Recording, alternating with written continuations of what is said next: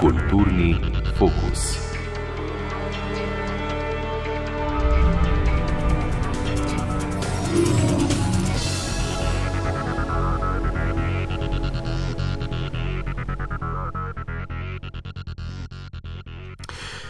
Slovar slovenskega knjižnega jezika pravi, da je ogenj kemična reakcija.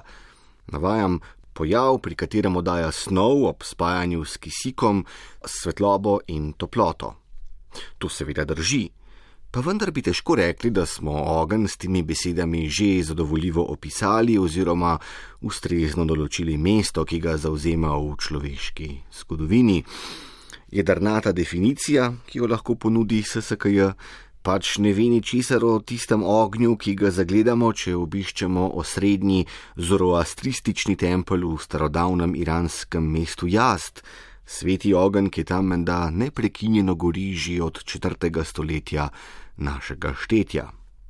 Prav tako se slovarju izmikajo ogenj, ki so ga uporabljali najzgodnejši kmetovalci, ko so pripravljali prva polja pa ogenj, ki je poganjal stroje med industrijsko revolucijo, ali ogenj, ki je predlani med tako imenovanim črnim poletjem požgal toliko gozdov v Novem Južnem Walesu, da se je pod otisom te katastrofe večina avstralskih voljivcev na nedavnih zvezdnih volitvah odločila podpreti stranke in kandidate, ki so se zavezali napraviti konec ekološko docela brezbrižni politični usmeritvi stare liberalno-konzervativne vlade.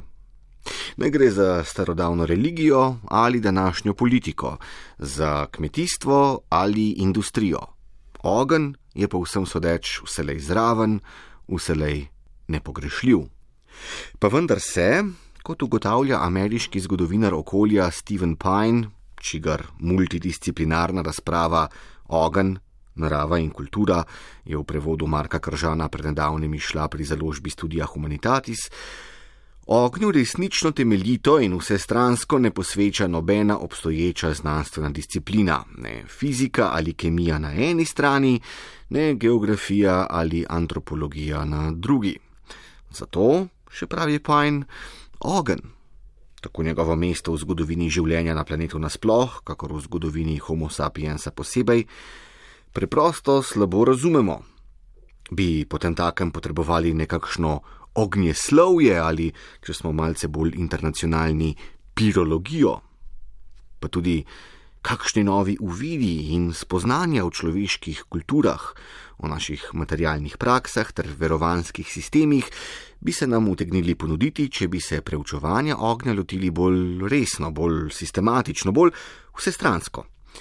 Odgovor iščemo, spoštovane poslušalke in cenjeni poslušalci, v nocojšnjem kulturnem fokusu, ko pred mikrofonom gostimo dr. Bojana Baskarja, sociologa in antropologa, predavatelja na več oddelkih Ljubljanske filozofske fakultete, ki je slovenski izdaji Pajnovega ognja pripisal spremno besedo. Spoštovani gospod Baskar, lepo pozdravljeni, dober večer. Dober večer. Zdaj, v antičnih časih so vedeli, da je v svet sestavljen iz štirih temeljnih elementov, iz zemlje, vode, zraka in ognja.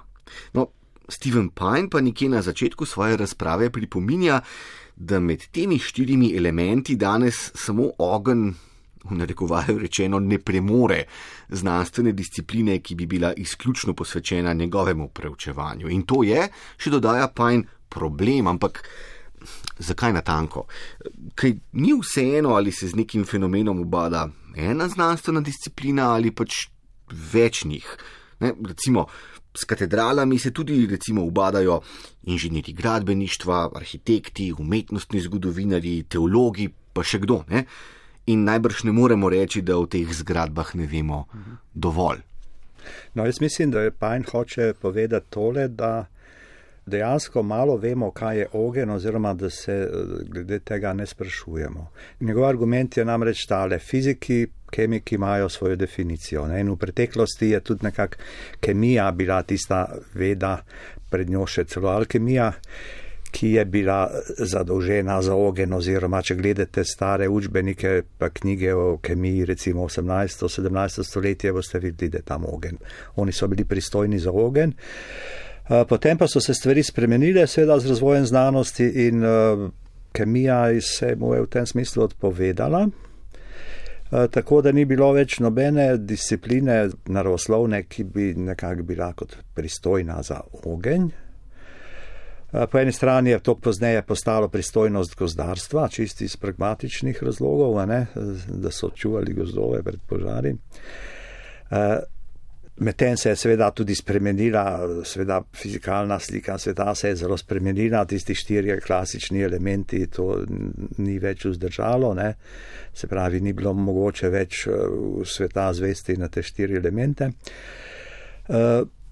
Potem se začne pojavljati zgodovina ognja, ne?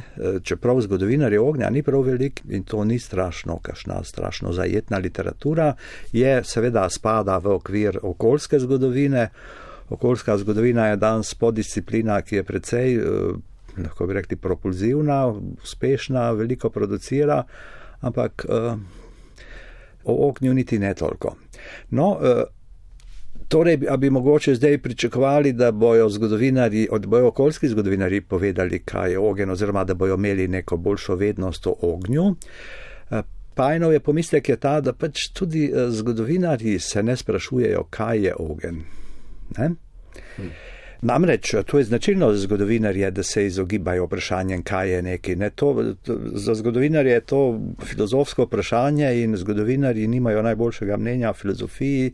Skratka, njihovo stališče je, mi se ukvarjamo z zgodovino ognja ni nam treba vedeti, kaj je ogen, ne? tako zelo poenostavljeno, pa seveda, če vsi zgodovinari se s tem ne bi strinjali, ampak to je mogoče nekako tisto večinsko ali pa dominantno prepričanje.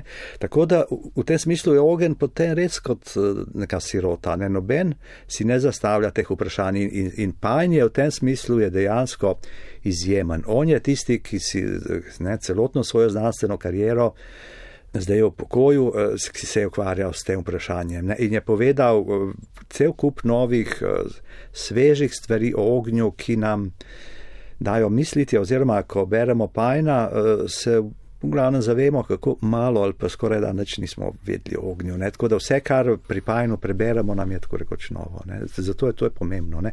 No in samo še to v zvezi s tem ima on tudi to potem, to, ne vem, kaj bi rekel, malce ironično pripombo, da ker ogen nima svoje matične discipline, tudi nima univerzitetnih oddelkov, ne pravi na moji univerzi uh, v Arizoni, uh, to je Arizonska državna univerza v Phoenixu, če se ne motim, bila. Uh, pravi, ni oddelka za ogen, ne. Pa, to bi imeli najbrž recimo Fire Studies ali kaj takega američani, tega ni. In tudi drugot tega ni, seveda. Uh, pravi, edini uh, fire department, ki ga imamo na kampusu, je tisti, uh, odkudar zdrvijo gasilska vozila, ko se sproži alarm, ne se pravi, gasilci skratka. In tudi on, verjetno je do, dobro vedeti v zvezi s Pajnom tudi to, da je on na začetku svoje akademske karijere bil hkrati prostovolen gasilec in je, mislim, da 16 sezon zaporedoma je v Grand Canyonu deloval tudi kot prostovoljni gasilec, tako da je tudi praktično se srečeval s temi stvarmi in rekoč povezoval ta svoja spoznanja, pragmatična, praktična s svojimi interesi. Teoretskimi uvidi, ne? Ja, ja, ja. Zdaj, tole me zanima, doktor Baskar, ne? Ogen je na nek način torej kot raziskovalni predmet sirota, so ugotovila, ne? Ampak veliki antropolog izpred približno stoletja, ne, George Fraser, um, je ognju posvetil kar nekaj pozornosti. Ne. Vi ste antropolog ne, in ja. bi si mislil, da bi vi morali biti čisto zadovoljni glede na to znamenito Fraserjevo uh, delo Zlata Veja, ne, uh, ki je eden utemeljitvenih uh, tekstov discipline. Ne, um, da bi morali biti čisto zadovoljni z vašega zornega kota, ne so eh, rituali povezani z ognjem v množici človeških eh, družb in kultur, vendarle bili kar zgledno opisani in predstavljeni. Ampak se mi zdi, da Raje pritrjujete Pajnu, da je ogenj pravzaprav znani neznanec, ki ga je treba šele odkriti. Ja, veste, eh, Fraser tudi si ni zastavljal vprašanja, kaj je ogenj, ne, temveč ga so ga. Fraser je bil folklorist, je bil antropolog, je bil klasični filolog, delal je izključno na tekstih, ne, predvsem na, na tekstih eh, grško-latinske antike. Ne ni, eh, ni bil skratka antropolog v tem smislu, da bi kaj po terenu hodil, pa tudi, no, se tudi folkloristi hodijo po terenu, on tega ni počel, niti podrazno. Ne. Je pa prebiral tudi etnografijo, zelo veliko in je pač eh, v nje destiliral, pobiral vse mogoče rituale, verovanja, prakse in tako naprej, iz česar je potem sintetiziral ta svoja zelo obsežna dela. Ne? In eno tako delo, ki je sicer nastajalo znotraj zlate veje, ne? kajti zlata veja v neskrajšeni izdaji, to je 14-15 volumnov. Ne? To je zelo veliko reči. Eden od teh volumnov je potem recimo o, o mitih, o virovanjih, o nastanku ognja. Ne? Tako da, da je to zdaj že precej bolj uh, specifična tema zanima mitologe, zanima folkloriste, zanima antropologe, ampak eh, seveda antropologija se ne omeji samo na, na virovanja o ognju, na, na, ali pa na, na simbole, na mite, rituale v zvezi z ognjem in tako naprej. To je bolj tisti sektor uh, antropologije, ki je lahko bi rekli kot tradicionalna etnologija in še predvsem folkloristika, medtem ko moderna antropologija uh, pa se srečuje z ognjem, eh, s fenomenom ognja še na številne druge načine, še iz drugih zornih kotov. Eden recimo je vloga ognja v človeški evoluciji, ne, oziroma v evoluciji homininov, eh, rodu homo in tako naprej, od samih začetkov tam, kjer smo bili še skupaj z drugimi temi opicami, australopiteki recimo, in so pozneje, niti ne naša vrsta, že vsaj ena vrsta pred nami, namreč Rektus, eh, je uporabljala ogen, kot kaže, in, in ogen je odigral ogromno vlogo v evoluciji naše vrste. Ne? Zelo pomembno, tudi v evoluciji našega. Recimo sistema, ne, prebavnega sistema, se pravi tudi pri eh, oblikovanju telesa, kot ga imamo danes, ne, oblik prebavnega trakta in tako naprej, kajti ko so ljudje začeli kuhati, peči hrano, so je postalo meso, pa druge stvari, precej bolj laže prebavljivo, tudi bolj okusno. In je recimo to ni več zahtevalo tako dolgega prebavnega trakta, ne? se pravi, če jeste lažje prebavljivo hrano, se vam prebavni trakt krajša in tako naprej. Skratka, taki kot danes zgledamo, ne pa tudi, da nimamo recimo eh, zobov kot kakšni plenilci, ostrih čekanov in tako naprej. Eh, to je v veliki meri povezano z ognjem. Ne? Fascinantno. Ogen nas je naredil take, kot smo. In to je tudi ena od srednjih eh, pajnovih tez. Ne? Ima tezo o koevoluciji človeka in ognja. Se pravi, ogen je kot nekakšen drugi akter in za oba ta akterja človek in ogen pravi, da ima ta eh, neznansko moč. Eh, to sta dva zelo močna akterja. Ne?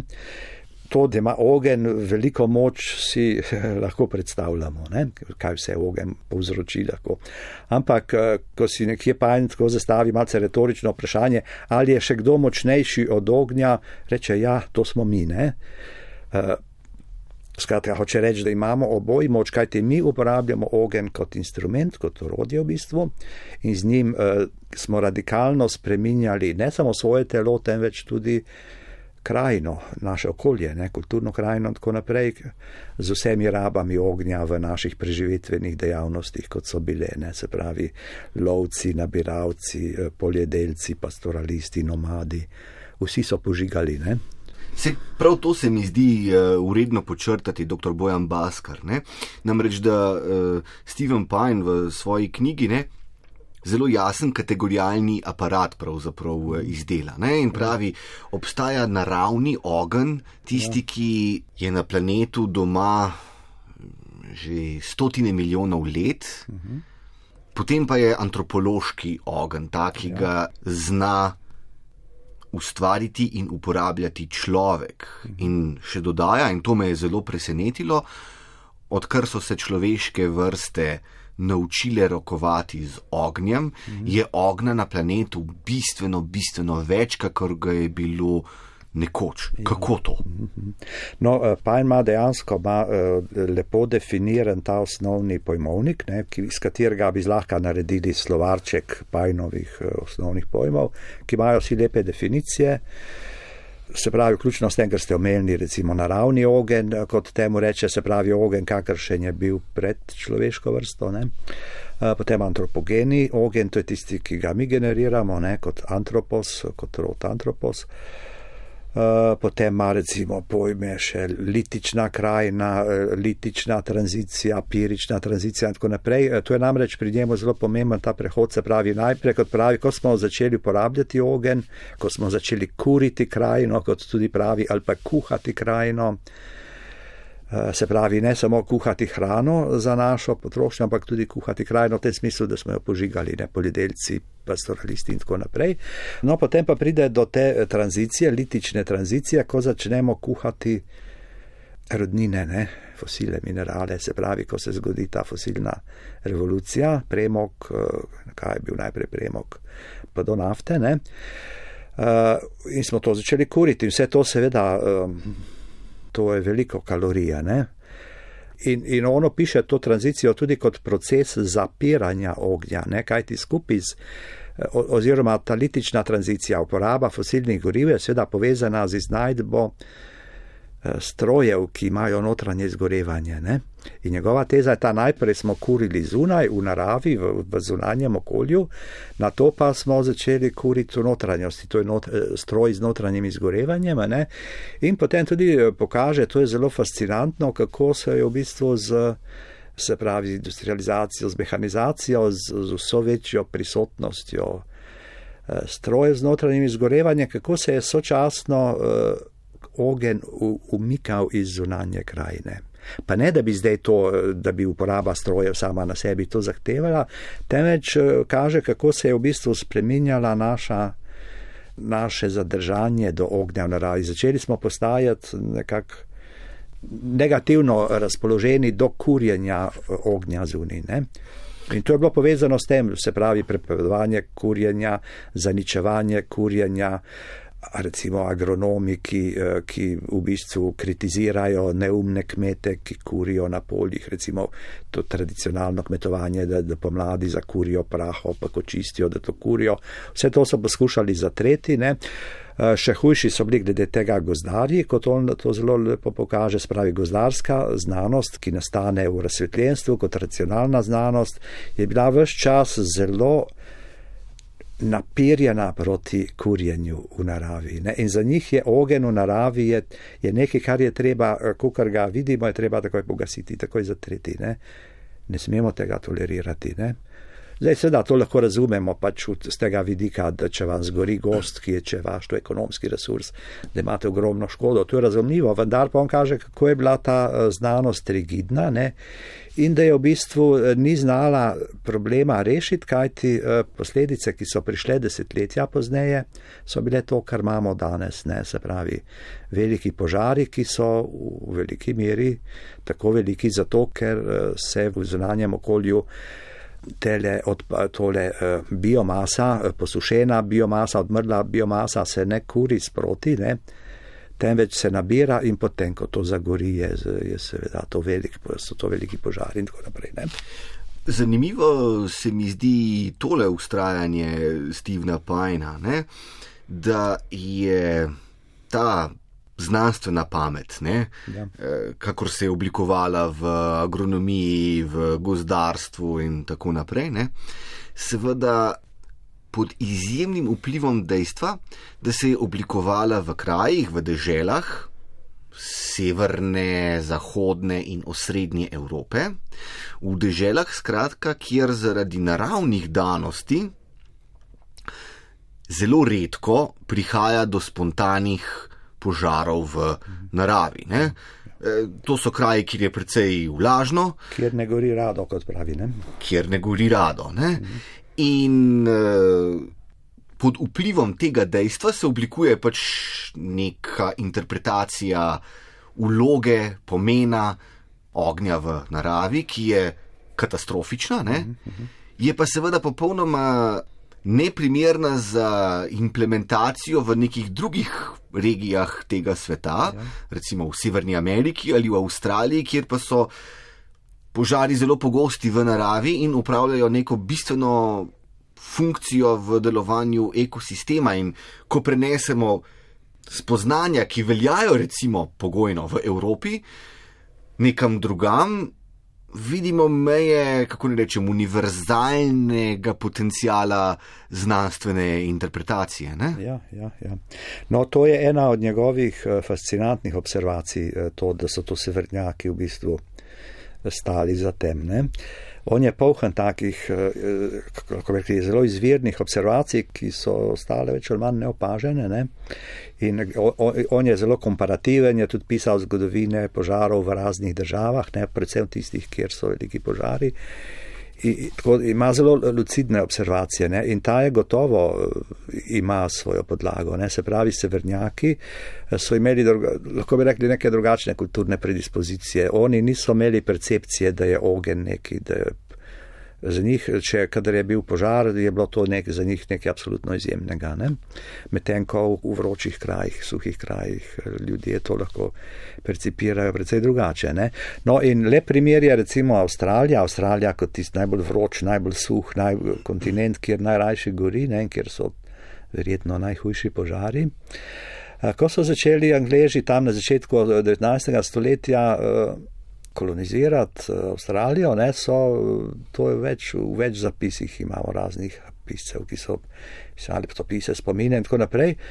Uh, so izražali to začudenje, ogorčenje, zgražanje nad tem, da ti nori aborižini sam kurijo in kurijo in kurijo. Ne? In je vse je zakajeno, posod gori. Malce jih je to kulturno uh, šokiralo, ne? ker kaže na to, da oni tega niso bili več vajeni, čeprav moramo vedeti, da tudi v Evropi eh, tradicionalno kmetijstvo je pomenilo požiganje dvakrat na leto, ne? se pravi čiščenje poli, požiganje prahe. Ko so to počeli, eh, se je pač kadilo, dim je bil dim, ki peče v oči, ki smrdi, ne? mislim, smrdi, če vas moti in tako naprej. Ampak oni izgleda, da niso imeli več te izkušnje in da se jim je zdelo to nekaj absolutno drugačno in nesmiselno in noro, da aborižini kurijo in na začetku seveda niso niti eh, razumeli, zakaj aborižini to počnejo. Ne? To je najbrž um, dobra izhodiščna točka, dr. Bojan Baskar, ne? s katere lahko pokažemo, kako so spoznanja tradicionalnih evropskih znanosti. Mhm pomagala pravzaprav utrjevati neke rasistične predsotke ne, zoper staroseljske skupnosti, ne, češ ti norci, ki požigajo. Ne, ampak v njihovih praksah je pravzaprav globoka racionalnost, ki stoji ali ki skrbi za to, da je krajina manj nevarna za človeka dolgoročno, ker preprečuje resnično velike, resnično katastrofalne požare. No, najprej samo eh, glede tega razmerja znanost pa rasizem oziroma te rasistične eh, podmene, kot ste rekli. Ne? Eh, ta proces gre v dveh smerih. Nekaj ti recimo razsvetljenska znanost. V času razsvetljenstva, takrat, ko se začnejo ustrezne znanosti, ko začnejo postajati eh, negativno razpoložene ali pa celo hostilne do kurjenja zunaj v naravi, ne? ko začnejo to prikazovati tudi kot moralno vprašljivo, ne? se pravi, to je neke vrste socialna, eh, kot neke vrste prestopnik in tako naprej, se pravi, tisti projekt discipliniranja, ki ga je poznala Evropa, o katerem so recimo pisali eh, Foucault in podobni, je potekal tudi uh, v tem smislu, da so iztrebljali požiganje. Ne? Foucault sicer nič ni vedel o tem, ker ga to ni zanimalo, ampak to je del tega discipliniranja. Ne? Se pravi, uh, to so predspirali kot socialno patologijo, če kmetje in taki. Uh, low class, neki požiga, ki neki kurijo zunaj in tako naprej, tega se ne sme delati. Ne? In so počasi to tudi prepovedovali. No, da pa grem zdaj na to vprašanje, seveda kakšni so razlogi recimo aboriginov ali pa tradicionalnih poljedelcev, vključno z evropskimi, ki so požigali, ali pa razlogi nomadskih pastirjev, ki imajo črede in tako naprej. in ki so vsi požigali. Ne? Vsi so imeli razloge. Ne? E, zdaj, eden je ta, ki ste ga nakazali. Ne? Se pravi, če požigate sproti, če čistite krajino, kot marsikje rečejo, tako rečejo tudi aboriđini, ko pravijo belim avstralcem, če bi poskrbeli za to, da bi bila krajina očiščena, ne bi bilo takih požarov. Če bi mi imeli glavno besedo, tega ne bi bilo, pravijo in tako naprej. Ne. Zato, ker oni tradicionalno požigajo in s tem tradicionalno sproti odstranjujejo vse tiste velike količine biomase, ki potem gorijo in, in taki, takih v vročem in suhem okolju, kot je Avstralija, to so bakle ne, in tako naprej. Vendar pa seveda eh, moramo paziti, kaj ti Avstralci so to delali sproti, niso niti, mislim, aboriginje, niso niti imeli v bistvu te izkušnje, ne, teh mega požarov, velikih požarov, ki pridejo šele potem, ko so evropejci vzeli stvari v roke ne, in, in niso več požigali. Oni so bili lovci, nabiralci in so imeli druge razloge za to, da so požigali. Eno je to, da ko požigate, naredite krajino bolj prehod, laže prehodno, vendar pa tudi eh, tam, kjer gori, je trava, ki potem zraste, je bolj sveža, ima več, je, je bogatejša, ima več beljakovin in jo živali preferirajo. Se pravi, oni kot lovci so opažali, da na živali se pridejo rajši past na te sveže, sočne, zelene, travnate površine, kjer je prejšnjo eh, sezono gorelo. Ne? Enako tudi pastoralisti. Pastoralisti ravno tako, recimo, so radi, to so bili izmeriti konflikti med poljedelci in pastoralisti. Za poljedelce so pastoralisti, ne, tisti, ki delajo škodo, njihove črede mendrajo, vendar pa tudi požigajo. Ne. Zakaj so požigali? Iz istega razloga, da ko so prišli recimo naslednje leto na okoli, da je bila tam trava sveža, zelena, ki je bila za njihove črede kvalitetnejša in tako naprej. Ne fascinantno. Se pravi, to so njihovi razlogi. Poljedelci imajo seveda druge, v veliki meri čiščenje, ne? ampak tudi recimo razkuževanje, ne? kajti ogenj ima tudi čistilno funkcijo, ne tako ima seveda tudi v obredih, v mitologijah, ampak če ga uporabljate kot poljedelci, eh, tudi eh, prečistite razne škodljivce, zatrete in tako naprej. Se pravi, to je tisto recimo, če se gozdari niso hoteli videti. Ne? Niso razumeli, da tako ogen bi lahko pomagal tudi recimo pri odstranjevanju ali pa zatiranju tistih škodljivcev, ki jim drevesa uničujejo. Pa tudi najbrž lahko požgana biomasa funkcionira kot neke vrste gnojilo potem na teh. Ja, to je pri poljedelcih, ne? se pravi, eh, pepel je, je bazičen ne? in eh, kali, recimo, imajo vsebnost kalija in to so poljedelci, tudi tile slash and burn požigalništvo. Ne. Požigalniški poljedelci so v bistvu imeli pepel od požganih dreves eh, kot edino gnojilo. Ne. Zdaj tam je tako, tisti je bilo eh, nomadsko poljedelstvo, kot tudi rečemo, ali pa nomadsko vrtnarstvo, se pravi v gozdu najprej posekate, potem požgete, da dobite neko jaso, neko čistino, kjer eh, potem eno leto ali pa dve imate pridelek, potem je pa zemlja že izčrpana, pa morate iti na novo izčrpati in tako naprej po gozdu. Ne? Ampak pri tem je tisti pepel je vendarle malce pomagal, ne? čeprav ni, ni zadostoval, to je bilo premalo gnojila, seveda, ampak malce je pomagal. Ne? Tako da to so tudi razumeli. Ne? Skratka, uh, To so bile namreč osnovne eh, preživetvene dejavnosti, dobro lahko bi rekli še ribištvo, ne? tudi ribiči so uporabljali ogen, mimo grede, ne? čeprav tam ni imel tako srednje vloge kot pri tehne, ampak eh, lovci, nabiralci, poljedelci, pastirji, pastoralisti, ne? vsi, vsi so kurili. In kmetje v Evropi so kurili še globoko 19. stoletje. Ne? To je tudi Pajn zbral nekaj teh likovnih upodobitev z Finske, na Finskem je malo terensko raziskoval tudi. Ampak to so po, v Alpah, imate, to imate lepe upodobitve tega, kako kmetje požigajo. Se pravi, eh, nadzorovano požigajo, ne? se pravi, eh, požigajo neke parcele, ampak vejo, ne imajo pod nadzorom, ne uide jim ta požar spod nadzora, ne? zato ker ni, niti ni toliko veliko biomase okoli, da bi jim lahko šel spod nadzora in tako naprej. Skratka, eh, ne tako dolgo nazaj so to še počeli in eh, mimo grede povedano, tudi v Evropi je do neke mere ta praksa še preživela, recimo na jugovzhodno od nas. Ne? Če se pelete pomladi, recimo zgodi pomladi, recimo proti Beogradu ali pa še naprej, obstajajo možnosti, da boste prileteli na avtocesti v kakšen oblak dima, ki prihaja z bližnjih pol, kjer kurijo, ne? kjer čistijo polja za, za sezono ali pa požigajo praho, ne? karkoli delajo. Se pravi, eh, tam še to delajo, najbrž tudi zato, ker je to še dovoljeno, ne? ker na zahodu to ni več dovoljeno. Ne? Navezal bi se ne na to, kar ste govorili o prvih poljedelcih, ne, ki so si ja.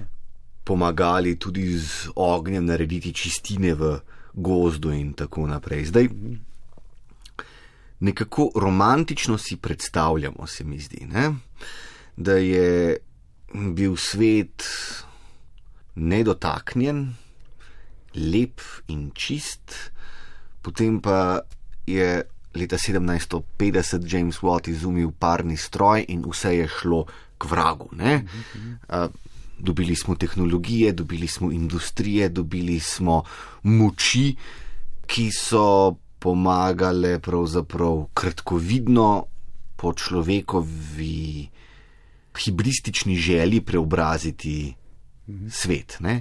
Ampak, če vas zdaj dobro razumem, ne, hočete reči, da je ogenj starodavna tehnologija, ki pravzaprav že deset tisoč let ali vsaj deset tisoč let uh, spreminja krajino. Še več, še več. Tle, zdaj to vprašanje, kdaj, kdaj je človeška vrsta začela uporabljati ogenj. Uh, na to vprašanje ni jasnega odgovora, zato ker je v bistvu nemogoče ugotoviti, iz najdiščih izostankov ugotoviti, ali je šlo za, za nadzorovano rabo ognja, ali je šlo za znanje eh, uporabe nadzorovanja ognja, ali je šlo zgolj za ob, občasno, recimo, da, da so ob, ob požaru ljudje še kaj uporabili ogen, kaj eh, za kakšen namen in tako naprej. Tako da nekako, recimo, grobo rečeno, od 400 tisoč do 800 tisoč let nazaj to ne bi bilo tisto obdobje, kjer nekje ne bi začeli ljudje uporabljati ogen, se pravi, kar daleč nazaj, ne.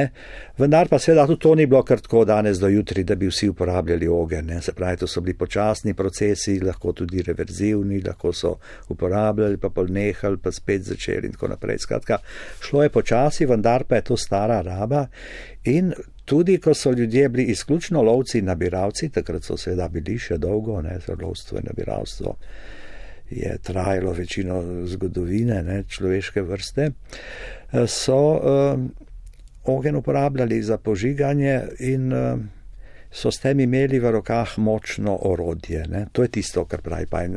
Ko človek uporablja ogen, dobi v roke zelo močno orodje, kajti ogen ima to velikansko moč transformiranja krajine in ko ga človek začne uporabljati, dobi v roke mogočen instrument transformiranja krajine, v kateri živi, ne? s temi svojimi preživetvenimi dejavnostmi. Se pravi, eh, instrument, ki je močnejši od drugih orodij, ki jih človek ima. Ne? In tega dolgo časa niso razumeli. Zanimivo je, če berete recimo eh, zgodovinarje, zgodovinarje poljedelstva, zgodovinarje agrarne krajine in tako naprej, vidite, da nekateri še sredi 20. stoletja se obnašajo, kot da sploh ne razumejo, kako pomemben je bil ogen pri tem, kako pomemben je bil ogen pri poljedelstvu, pri oblikovanju agrarne krajine in tako naprej. Eni to kar eh, spustijo, kot drugi samo menijo, mogoče samo menijo, pa pa jih ne zanima, sem tako nekako menijo, da kažejo, da vedo, da je tudi ogen bil v uporabi in tako naprej. Ampak se delajo, kot da ni nobene moči dal, veliko večjo težo dajo recimo orodjem, ne tehničnim orodjem in tako naprej, ki so seveda tudi pomembna. Ampak ogen ima neko veliko večjo moč, ne, ki jo je dal, se pravi moč, ki jo imajo že, če se spet vrnem k avstralskim aboriginom, ne, ki so jo e, imeli. Če vam dame eno anegdoto, ne spet iz tistega časa, iz, to mislim, da iz 30. let 19. E, stoletja, se pravi, tisto zgodnje obdobje naseljevanja Avstralije, tudi povezano s kaznjenci, ki jih je vozil in tako naprej. Skratka, bila je ena ladja. Kolonistov, neopremljeni z, z živino, vozovi in tako naprej, z namenom, da bojo v Avstraliji začeli kmetovati. In je ta ladja najprej pristala in se izkrcala na tem otoku eh, Kangaroo Island, o katerem smo veliko slišali zdaj, kot dve, tri leta nazaj, ko je bil tam tisti velikanski požar. Ne? In um, njihova prva ideja je bila, eh, no, mogo, to, to je 30 km pred obalo. No, oni so najprej mislili, dobro, mogoče bi pa kar tle probali ne? živeti in so se skrcali gor, vendar je bil otok tako gosto porasel da v bistvu niso svojimi vozovi živino mogli nikamor, ne, to bi, bi morali v bistvu z mačeto dejansko se izkrčiti pot in, in so se premislili, eh, so rekli, pejmo raj probat na, na celino, ne bomo videli, kako je tam in pridijo na celino, tam je bilo vse odprto, z vozovi so se lahko peljali, krajina je bila odprta, očiščena, ne porasla in zakaj je bila ne porasla? Zato, ker so tam bili aboriđini, ki so požigali krajino. Ne? Se pravi, ni treba imeti motornih žak, pa kakšnih strašnih strojev, da očistite krajino, to dosežete recimo s požiganjem. Drug način je seveda tudi eh, paše živali, ki jih pasete, koze še posebej, ne, ki vam čistijo krajino. Ne. To je tudi seveda znano in priznano sredstvo čiščenja krajine ki je v tem smislu tudi koristno, ne, da se pravi tudi eh, popašeni pašniki, eh, skozani, tudi to pomeni odstranjevanje nevarne biomase za požare. Ne. Se spomnim pred takrat, ko je bil na Hrvaškem eh, Stipe Mesič predsednik, eh, ko so imeli eno poletje precej hude požare v Dalmaciji, pa je Mesič eh, izjavil, rekel, ja, no, vse ta problem bi lahko rešili tako, da bi spet več kos pasli v Dalmaciji. Ne. Hm. In ljudje sploh niso razumeli, zakaj gre.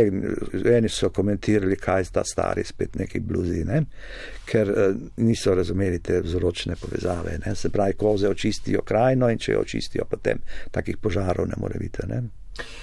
Ta uvid, ne, skratka, da obstajajo stare tehnike, ki jih lahko s pridom uporabimo danes, da se, kako ne rečem, zavarujemo. Ne? Ja.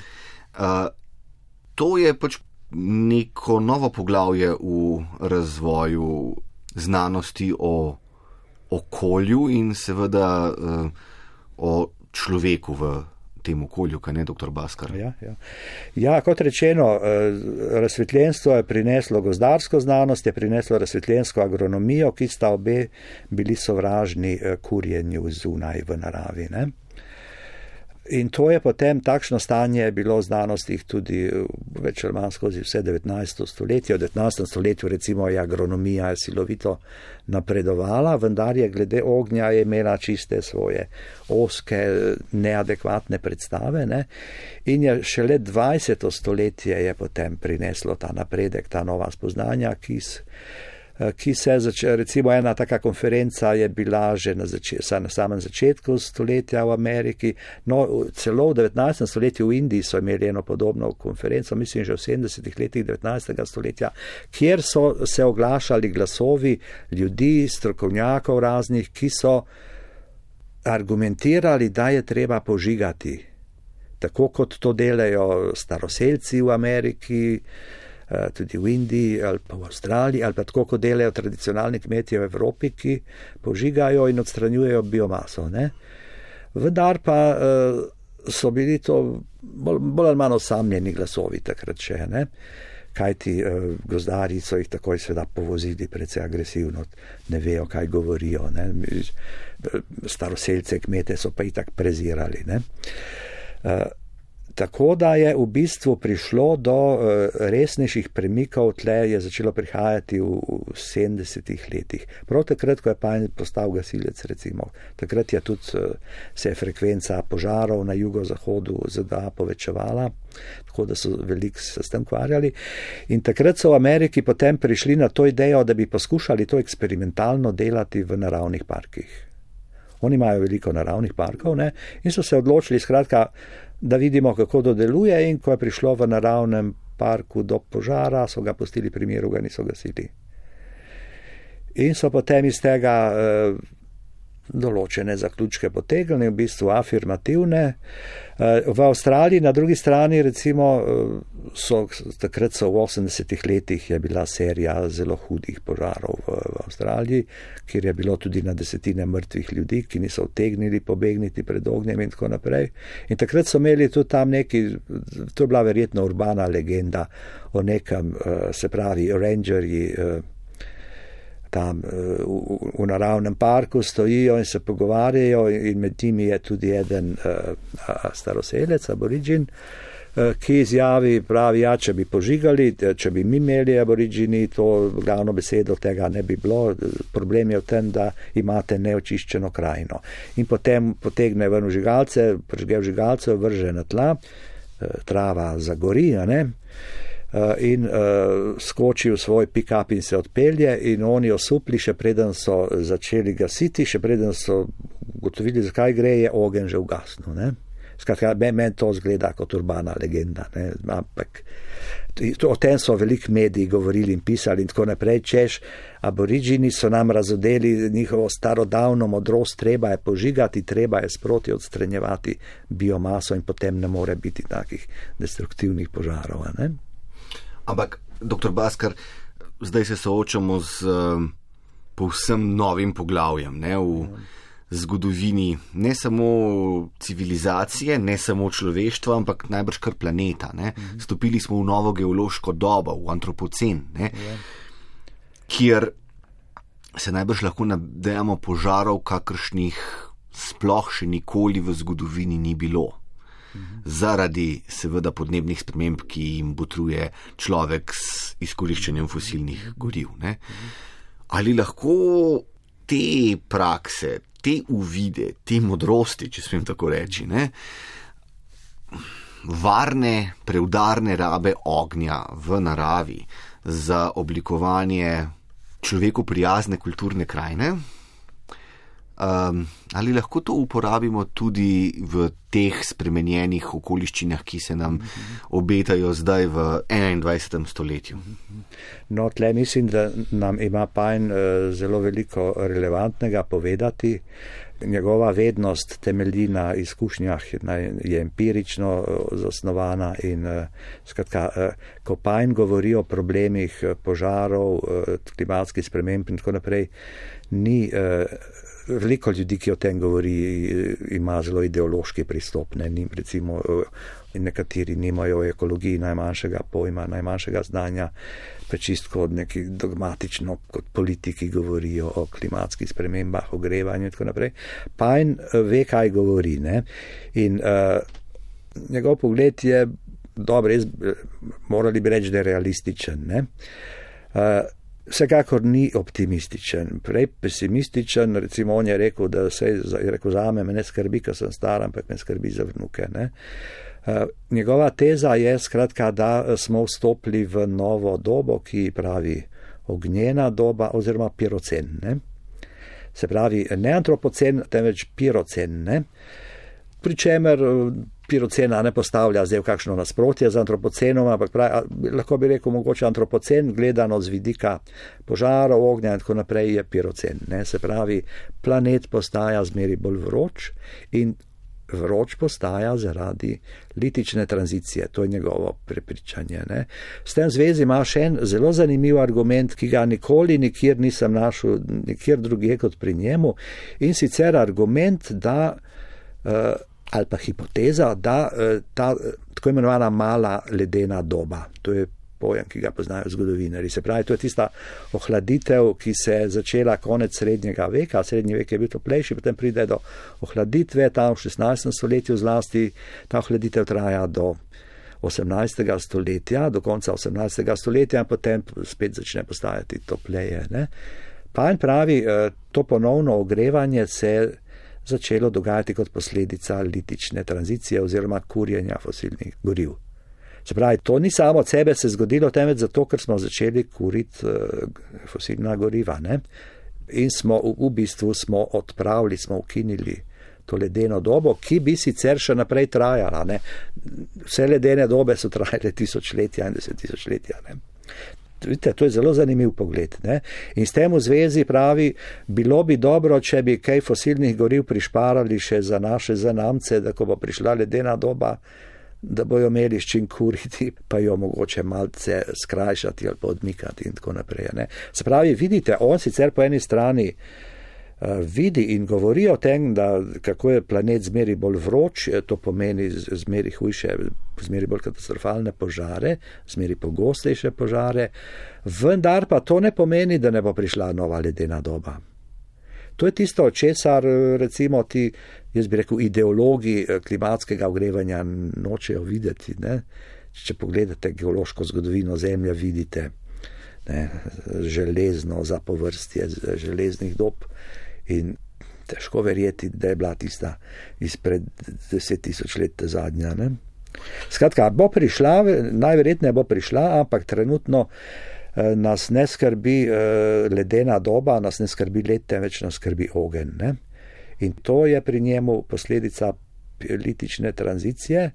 Planet je zmeri bolj vroč in s tem v zvezi tudi recimo, kar zadeva ta ukrep ne, nadzorovanega požiganja, ki ga tudi sam sicer zagovarja, ne, vendar pa ugotavlja, da, da ni, skratka, gre za ogromne količine biomase, ne, ki bi jo morali sproti sezonsko požigati, če bi hoteli vse skuriti, tako da ne bi moglo do takih požarov prihajati.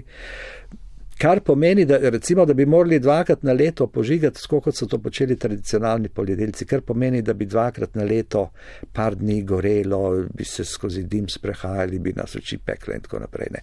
To bi bila cena mogoče za to, da bi se izognili požarom ali pa da bi jih reducirali. Ne. In tudi vse eh, nadzorovano požiganje potem se je izkazalo kot formula, se pravi, so ga začeli nekateri uporabljati tudi zunaj naravnih parkov, vendar pa. Vendar le ni čist eh, zdaj kot neka eh, čudežna rešitev tega problema. Ne.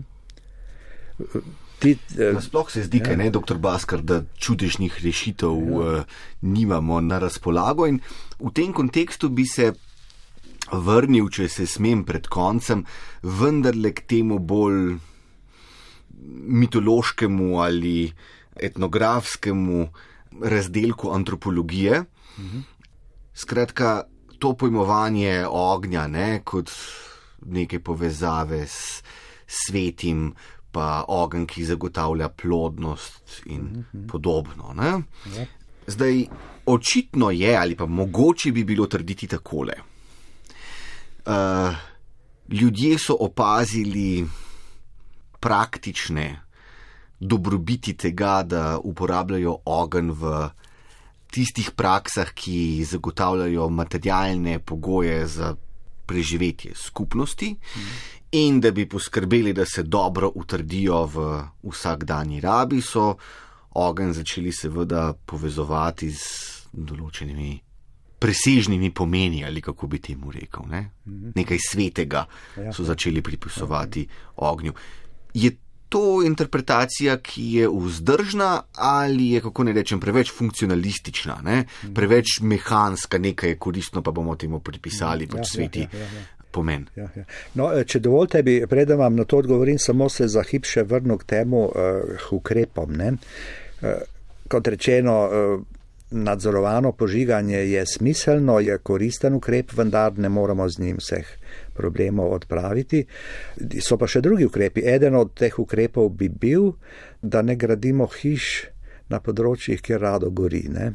so področja, kjer rado gori, kjer se požari ponavljajo in tako naprej. In to na veliko delajo recimo v Ameriki, na jugozahodu v Kaliforniji. Ne? Pred par leti je zgorelo tisto mestece, Paradise imenovano. Če ste opazili v gozdu, celotno mestece v gozdu, ker so v bistvu, to je bilo mesto za, za upokojence, za ljudi, ki nimajo preveč denarja, so jim tam postavili cenene gradnje ne? in je stvar zgorela, to so požari bliskoviti, to je zgorelo v pol ure, je, je vse šlo ne? in so ljudje ostali brez vsega. Ne? Zakaj so jim tam postavili uh, na takem kraju, kjer rado gori? Potem imate pa šovne druge, ki si tudi gradijo hiše, vile in tako naprej na takih krajih, ti le hiperbogati, ne? recimo Malibu je znamenit potem, ne?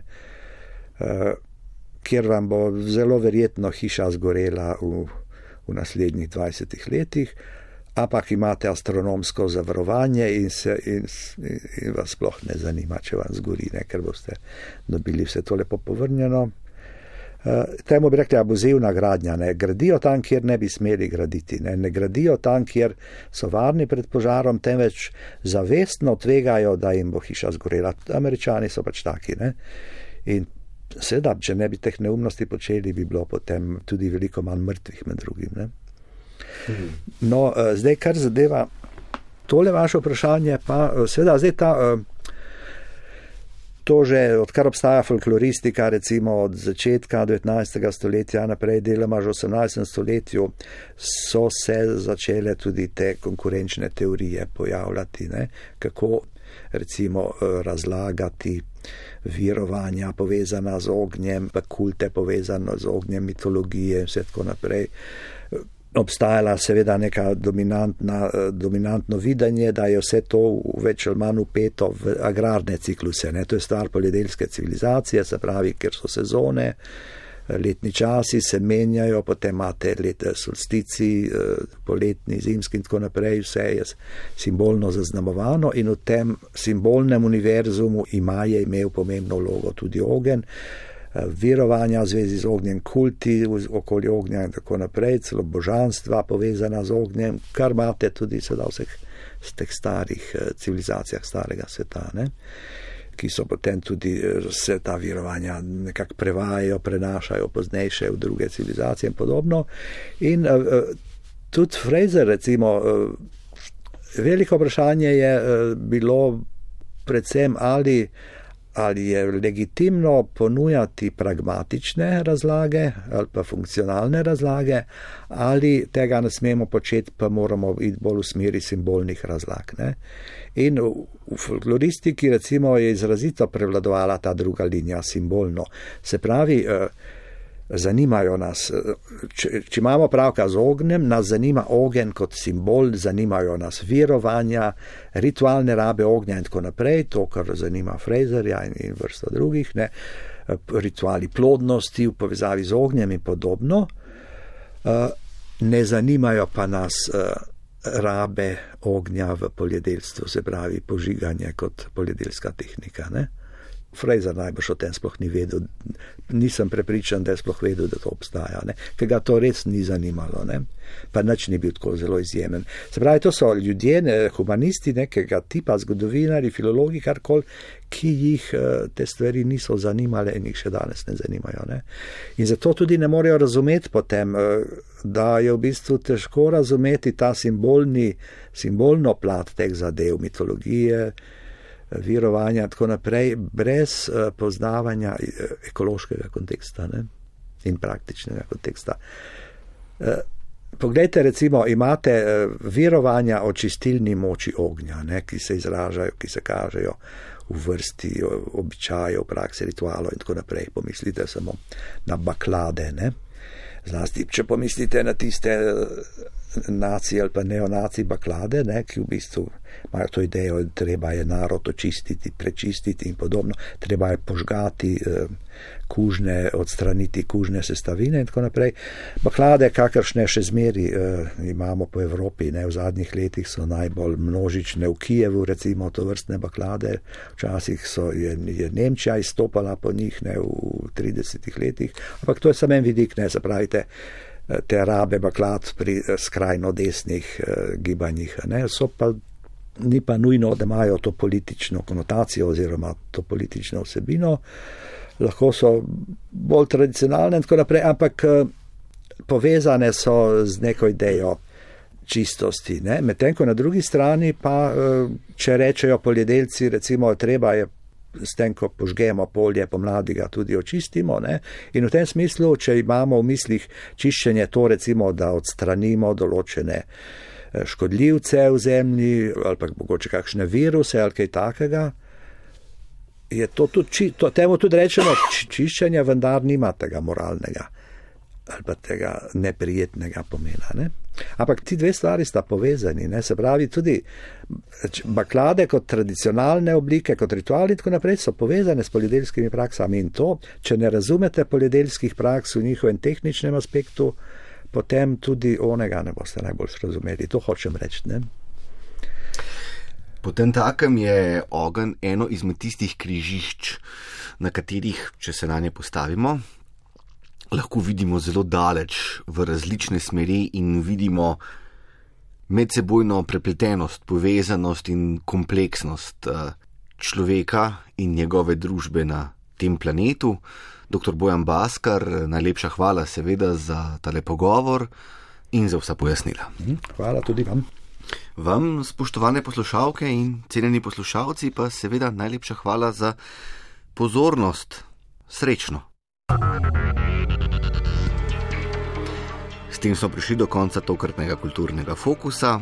Oddajo, ki lahko prisluhnete tudi v obliki podcasta ali jo poiščete na spletni strani prvega programa, sem pripravil in vodil Goran Dekliva, zvočno pa jo je oblikovala Klara Otorepec.